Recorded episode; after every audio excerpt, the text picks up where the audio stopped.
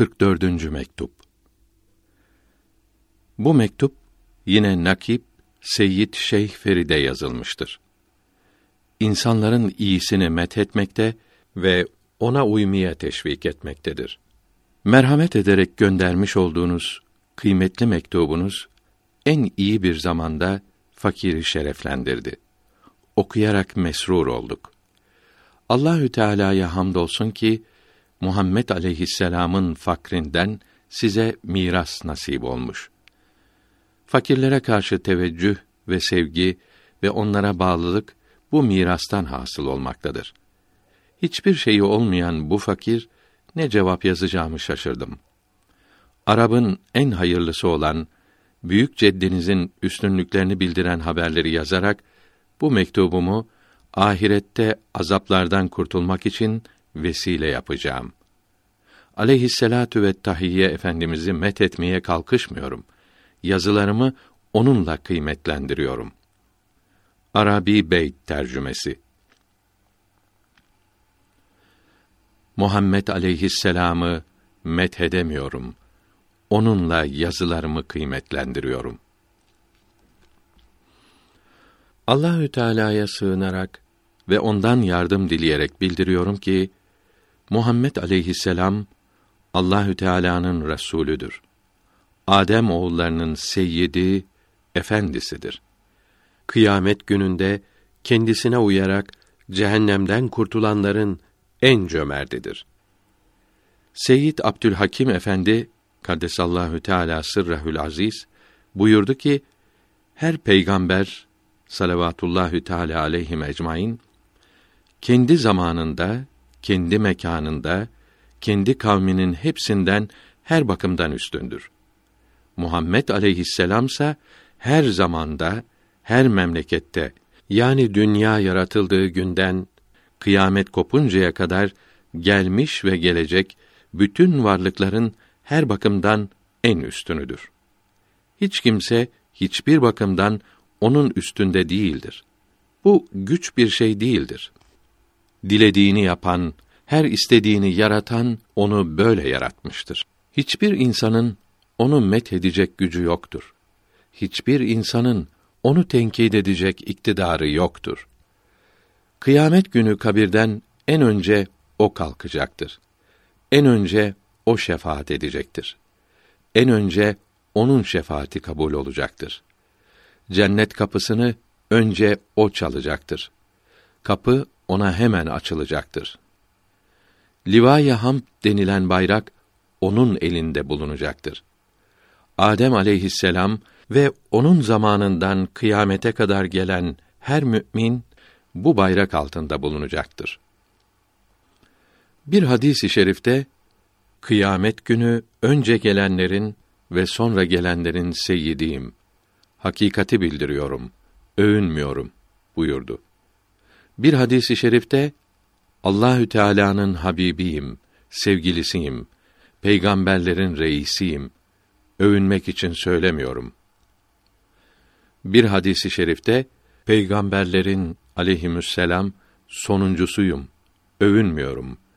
Ben Abdullah'ın oğlu Muhammed'im aleyhisselatu vesselam. Allahü Teala insanları yarattı. Beni insanların en iyisinde yarattı. Allahü Teala insanları fırkalara, kavimlere, ırklara ayırdı. Beni en iyisinde bulundurdu. Sonra bu en iyi fırkayı kabilelere, cemaatlere ayırdı. Beni en iyisinde bulundurdu. Sonra bu cemaati evlere ayırdı. Beni en iyi evden yani aileden dünyaya getirdi. İnsanların en iyisiyim. En iyi ailedenim. Kıyamette herkes sustuğu zaman ben söyleyeceğim. Kimsenin kımıldayamadığı vakitte onlara şefaat edeceğim. Kimse de ümmit kalmadığı bir zamanda onlara müjde vereceğim. O gün her iyilik, her türlü yardım, her kapının anahtarı bendedir. Livai hamd benim elimdedir. İnsanların en hayırlısı, en cömerdi, en iyisiyim. O gün emrimde binlerce hizmetçi vardır. Kıyamet günü peygamberlerin imamı, hatibi ve hepsine şefaat edici benim. Bunları övünmek için söylemiyorum. Hakikati bildiriyorum. Hakikati bildirmek vazifemdir. Bunları söylemezsem vazifemi yapmamış olurum buyurdu. O olmasaydı aleyhisselatu vesselam Allahü Teala hiçbir şeyi yaratmazdı. Rab olduğu, mabut olduğu meydana çıkmazdı. Adem aleyhisselam su ile toprak arasındayken yani çamuru yoğrulurken o aleyhisselam peygamberdi. Farisi Beyt tercümesi. Günah işlese de çekilmez hesaba böyle bir seyyidin izindeki kimse. Bütün insanlığın seyyidi, en üstünü olan böyle bir peygambere aleyhisselavatü ve tahiyyat inanan, onun yolunda giden kimse elbette ümmetlerin en iyisi olur. Ali İmran suresinin siz ümmetlerin din sahiplerinin en hayırlısı, en iyisisiniz. Mealindeki 110. ayeti bunlara müjdedir. Ona inanmayan, onu anlayamayan, kendileri gibi sanan insanların en kötüsüdür. Tevbe suresinin vahşi, kalpleri katı cahiller sana inanmaz. Daha çok münafıktırlar. Mealindeki 98. ayeti bunları göstermektedir. Dünyanın bugünkü halinde onun sünnet-i seniyyesine yani İslamiyete uymakla şereflendirilenler ne kadar bahtiyardır. Onun dinine inanan, ona ümmet olanın az bir iyiliğine kat kat sevap verilir. Ashab-ı Kehf yani Tarsus'taki mağarada bulunan yedi kişi rahmetullahi aleyhi ecmaîn bir güzel iş yapmakla yüksek derecelere kavuştu. Bu işleri de din düşmanları her tarafı kapladığı vakit kalplerindeki imanı korumak için başka yere hicret etmeleriydi. Bugün ona iman edip az bir ibadet yapmak sanki düşman saldırıp her tarafı kapladığı zamanda askerin az bir hareketinin çok kıymetli olmasına benzer. Sulh zamanında askerin bundan kat kat fazla çalışması böyle kıymetli olamaz.